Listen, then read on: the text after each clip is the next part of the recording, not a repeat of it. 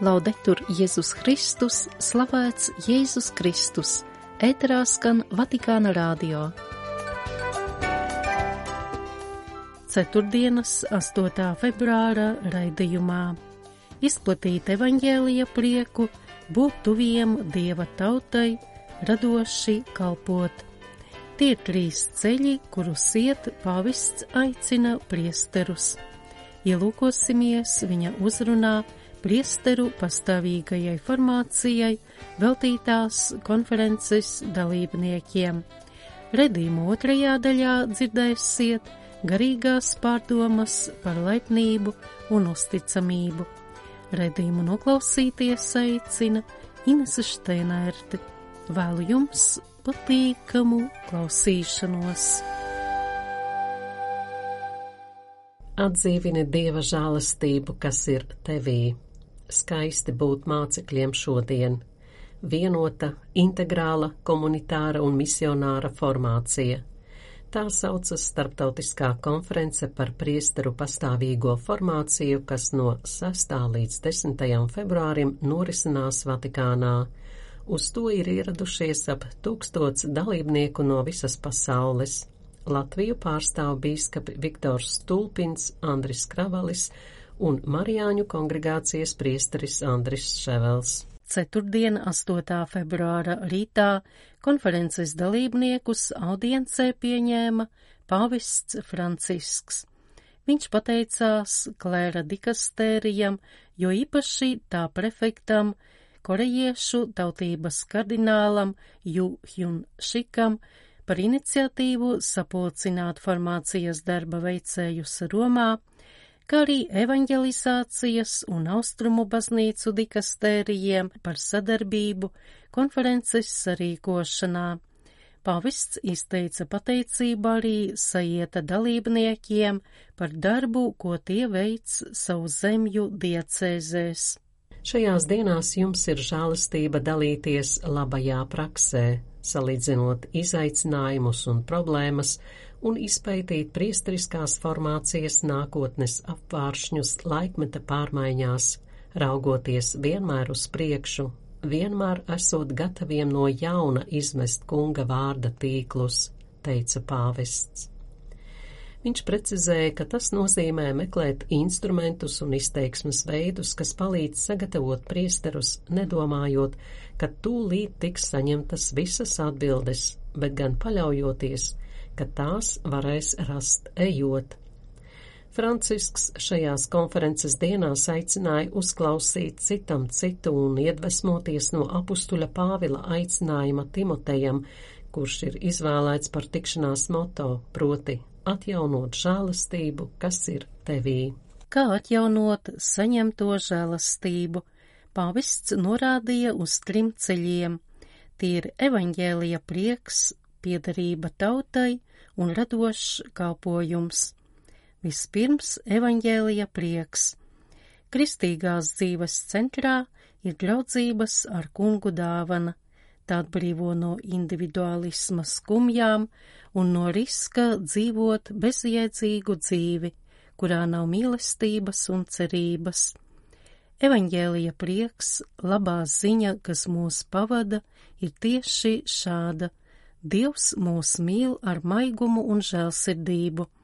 Šo priecīgo vesti esam aicināti skandināt pasaulē, apliecināt to ar savu dzīvi, lai visi varētu atklāt Dieva pestījošās mīlestības skaistumu, kas ir izpaudusies mirušajā un augšām cēlušajā Jēzu Kristu, teica pāvests.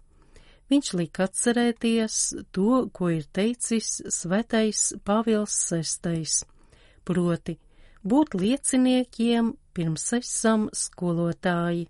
Francisks norādīja, ka šeit rodams pastāvīgās formācijas stūrakmens, un tas attiecas ne tikai uz priesteriem, bet uz katru kristieti. Tas ir uzsvērts arī dokumentā Ratio Fundamentālis.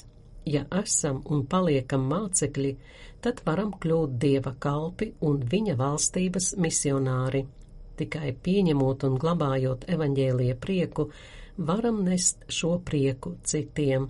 Tātad Lai veiktu pastāvīgo formāciju, neaizmirsīsim, ka esam mācekļi, kas atrodas ceļā, un ka ikvienu brīdi tas ir visskaistākais, kas mums ir žēlastības dots, teica pāvests. Taču žēlastība vienmēr ietver dabu, un tāpēc ir nepieciešama integrāla cilvēciska formācija. Svētais tevs paskaidroja, ka būt par kunga mācekļiem nav viss kāda reliģiska pārģērbšanās, bet gan dzīves stils, un tas prasa rūpes par mūsu cilvēciskumu. Neviens nevar būt priesteris, ja nav cilvēks, uzsvēra Francisks un aicināja šim aspektam veltīt visus spēkus un resursus, proti rūpēties par cilvēcisko formāciju. Ir vajadzīgi cilvēciski priesteri, kas spēj veidot labas attiecības, ir nobrieduši, lai varētu stāties pretim sava kalpojuma izaicinājumiem, lai evaņģēlija mierinājums sasniedz dieva tautu caur viņu cilvēciskumu, ko ir pārveidojis Jēzus gars. Nekad neaizmirsīsim evaņģēlija humanizējošo spēku, aicināja pāvests. Otrais ceļš, ko iet, ir piedarība dieva tautai. Mācekļi misionāri var būt tikai kopā. Labi dzīvot saskaņā ar priesterisko kalpojumu varam tikai iegremdējoties priesteriskajā tautā, no kuras nākam arī mēs, atgādināja Francisks. Viņš norādīja, ka šī piedarība tautai priesterus sargā, atbalsta grūtībās, pavada pastrālajās rūpēs un pasargā no riska atrauties no realitātes un justies visvareniem. Uzmanīsimies, jo tas ir arī katras pārkāpuma formas saknē, brīdināja pāvests. Lai paliktu iegremdējušies reālajā tautas vēsturē, ir nepieciešams, lai priesteriskā formācija netiktu uztverta kā nošķirta, bet varētu izmantot dieva tautas devumu, priesteru un laju, vīriešu un sieviešu, neprecētu un precētu, vecu ļaužu un jauniešu devumu, neaizmirstot nabadzīgos un cietošos, kuri var daudz ko mācīt. Baznīcā ir savstarpējība un aprite, starp dažādiem dzīves stāvokļiem, paaicinājumiem, kalpojumu un harizmām, un tas prasa pazemīgu prasmi iemācīties iet kopā, sinodalitāti darot par kristīgās un priesteriskās dzīves stilu. Priesterus pavests aicināja veikt sinodalitātes vingrinājumus un vienmēr atcerēties iet kopā kopā ar tautu, kurai pieder, kā arī kopā ar bīskapu un citiem priesteriem. Neatstāsim novārtā priesterisko brālīgumu, mudināja Romas bīskaps. Visbeidzot, trešais ceļš - radošs kalpojums. Kalpošana ir Kristus mācekļu atšķirības zīme, to visu savu dzīvi, un jo īpaši pēdējo vakariņu laikā, mazgājot kājas mācekļiem, ir rādījis pats skolotājs. Raugoties no kalpojuma perspektīvas, formācija ir ārēja operācija, mācības tālāk nodošana, taču tā kļūst par mākslu liekot centrā otru, ļaujot izpausties otra skaistumam, labumam, ko viņš nes sevī, izgaismojot viņa dāvanas un arī ēnas puses, viņa ievainojumus un ilgas. Tādējādi priesteru formācija nozīmē viņiem kalpot, kalpot viņu dzīvei, iedrošināt viņu gājumu, palīdzēt viņiem veikt izšķirošanu, pavadīt viņus grūtībās un atbalstīt pastrālajos izaicinājumos. Priesteris, kurš saņem šādu formāciju, no savas puses nododas kalpošanai dieva tautai. Viņš ir tūs cilvēkiem, un tāpat kā Jēzus uz krusta, viņš uzņemas visu cilvēku nastu. Raudzīsimies uz šo katedru, brāļi un māsas, uz krustu, aicināja Pētera pēctecis. No turienes, mīlot mūs līdz galam, kungs radīja jaunu tautu, arī mēs, kalpojot citiem, kļūstot par tēviem un mātēm tiem, kuri mums ir uzticēti, radīsim dieva dzīvi. Tas ir radoša pastorālā kalpojuma noslēpums. Tas nav pastorālais kalpojums, kura centrā esam mēs, bet gan kalpojums, kas rada meitas un dēlus jaunai dzīvei Kristū, kas nes dzīvo evaņģēlija ūdeni cilvēka sirds augsnei un pašreizējam laikam, paskaidroja pāvests. Svētais Tevs novēlēja, lai priesteru formācijas darba veicējus viņu gājumā pavada svētā jaunava Marija, kā arī deva tiem savu apustulisko svētību un aicināja palūgties par sevi.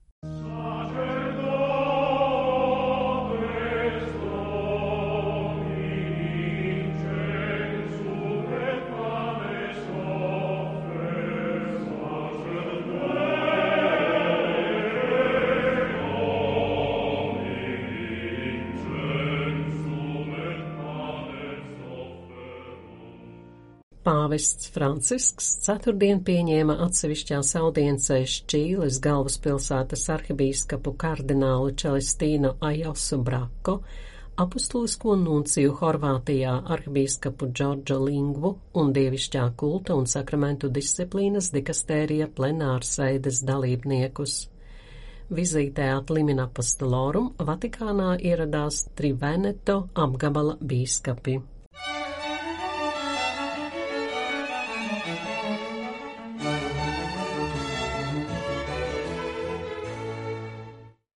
Dārgie Vatikāna radio klausītāji, šodien turpināsim pārdomāt paslēptās laipnības bagātības. No laipnības pārējām pie uzticamības. Laipnība mudina būt uzticamiem. Uzticamība īpaši mazās lietās ir draudzīguma izpausme. Ir tādi cilvēki, kuriem varam uzticēties svarīgās lietās, taču tie nav uzticami mazajās, ikdienišķajās lietās tāpēc tie aizvien rada rūpes saviem draugiem. Tie necenšas pārāk daudz būt punktuāli, izpalīdzēt vai atcerēties personīgus svētkus. Uzticamība tiek pārbaudīta ar precizitāti. Nav pieklājīgi būt nepunktuālam. Nespēja nekavēt ir liela rakstura vājība, tā var nodarīt daudz ļaunuma, jo kavētāja nemitīgi rada nepatīkamas sajūtas citiem. Nereti punktualitāte ir ļoti svarīga jūsu draugiem. Ja esat uzticams, būsiet precīzs un centīsieties pildīt savus apsolījumus. Ja sarunājāt satikties ar draugu, noteiktā stundā, noteiktā vietā, vai, ja apsolījāt, līdz sarunātajam laikam izdarīt kādu pakalpojumu, tas ir pārbaudījums jūsu raksturam. Ja esat neusticams, Bieži liksiet citiem gaidīt, un citās lietās jums traucēs pildīt apsolīto vārdu. Vienas personas plāni vai norunas ļoti bieži ir atkarīgi no citu cilvēku vārda turēšanas vai godīguma. Ja nespējat labi pildīt solījumus, visi, kas tādēļ piedzīvo nērtības, izveidos par jums sliktu priekšstatu. Bieža atvainošanās par to, ka pievīlāt citus, neturot doto vārdu, nodod jūsu draudzīguma un raksturu vājumu. Tāpat nesat draudzīgs, ja nepacenšaties atcerēties vai pierakstīt precīzu satikšanās laiku, ja viegliprātīgi uztverat citiem doto solījumu un rodoties iespēja maināt to uz godīgumu satikšanām. Tāpat nesat draudzīgs, ja nepacenšaties atcerēties vai pierakstīt precīzu satikšanās laiku, ja vilgprātīgi uztverat citiem doto solījumu un rodoties iespējai maināt to uz gadījuma satikšanām, sarunām vai citām jūs ieinteresējušām lietām, vai arī kādu vietu ieņemat profesionālajā vai sabiedrības dzīvē, ja laikā nepildēt apsolījumus, tas nozīmē, ka nesat žēlsirdīgs. Termins atlikt līdz rītdienai varbūt arī derētu citiem, taču noteikti nedara jums. Uzticamība tiek pārbaudīta pildot tuvāk mīlestības darbus, mazus pakalpojumus, kurus sniedz viens otram draugi ikdienas dzīvē, kā piemēram izsūtot vēstuli, nopērkot veikalā vajadzīgo preci vai nododot kādu vēstījumu. Uzticams draugs pat mazāko lūgumu izpildīs precīzi un laikā. Uzticamība ir arī pārbaudījums, atceroties svarīgus datumus. Uzticama persona jau iepriekš pārdomās par to, kādos gadījumos labs vārds, dāvana vai labs darbs būtu tīkams sirdī citiem. Tāds cilvēks ne tikai atceras dzimšanas dienas un jubilejas, bet arī atrod laiku citus apciemot, kad tie izdzīvo grūtības. Neusticams cilvēks parasti ir pārāk aizņemts ar egoistiskām nodarbēm, lai atcerētos citiem nozīmīgus notikumus. Centieties būt uzticami arī mazās lietās. Uzticamība ir viena no skaistākajām īpašībām, jo tas aptver pašaizliedzību, punktualitāti, rūpes, uzticību un tuvāk mīlestību. Draudzīgums skaidri redzams sarunā. Jūs esat slikts klausītājs, ja tiecaties dominēt visās sarunās, neinteresējoties par to, ko saka citi, ja slikti jūtaties, kad runā citi, un domājat par to, ko rodoties iespējai pateikt. Tāpat, ja noniecināt citu izteikto patiesību vai viņu vārdu nozīmi, pārtraucot tos un izsakot kaut ko svarīgāku, ja vienmēr pie citu sacītā pievienot šo to labāku no sevis, ja pārtraucat citus, lai varētu izteikties, tā atklājot savu pārākumu un patmīlu, un ja nespējat paklusēt, kamēr runā citi. Esat labs klausītājs, ja nopietni un ieinteresēti klausāties citos, jo saprotat, ka ne visu zināt un vienmēr varat kaut ko iemācīties. Tikai muļķis ir tā nodarbinājies ar sevi un savām domām, ka garlaikojas klausīties citos. Esat labs klausītājs, ja klausāties tik, cik runājat, jo tā gribat parādīt citiem laipnību un uzmanību. Tā darot, dodat viņiem prieku, iegūstat viņu uzticību un atverat ceļu citām neskaitāmām tuvāk mīlestības izpausmēm. Esot labi klausītāji, jūs ar savu rīcību praktizējat pazemības un tuvāk mīlestības tikumus. Šie tikumi ir vēl lielāki, ja citu saruna ir neinteresanta un nesaprotama un banāla. Nav pieklājīgi sarunas laikā neņemt vērā kādu sarunu biedru. Tā notiek tad, kad triju vai vairāku cilvēku grupā divi no tiem uzsāk personīgu sarunu, kas ir svarīga un interesanta tikai viņiem. Tādu rīcību mudina egoisms un patmīla. Ja tieši jūs iesākāt tādu egocentrisku sarunu, ar to tikai parādījāt savu niecīgumu, Tuvāk mīlestība prasa, bet draudzīguma noteikumi paredz, ka savas personīgās intereses ir jāvirza par labu grupas interesēm, un tas der visiem, gan populāriem, gan nepazīstamiem. Turpinājums sekos.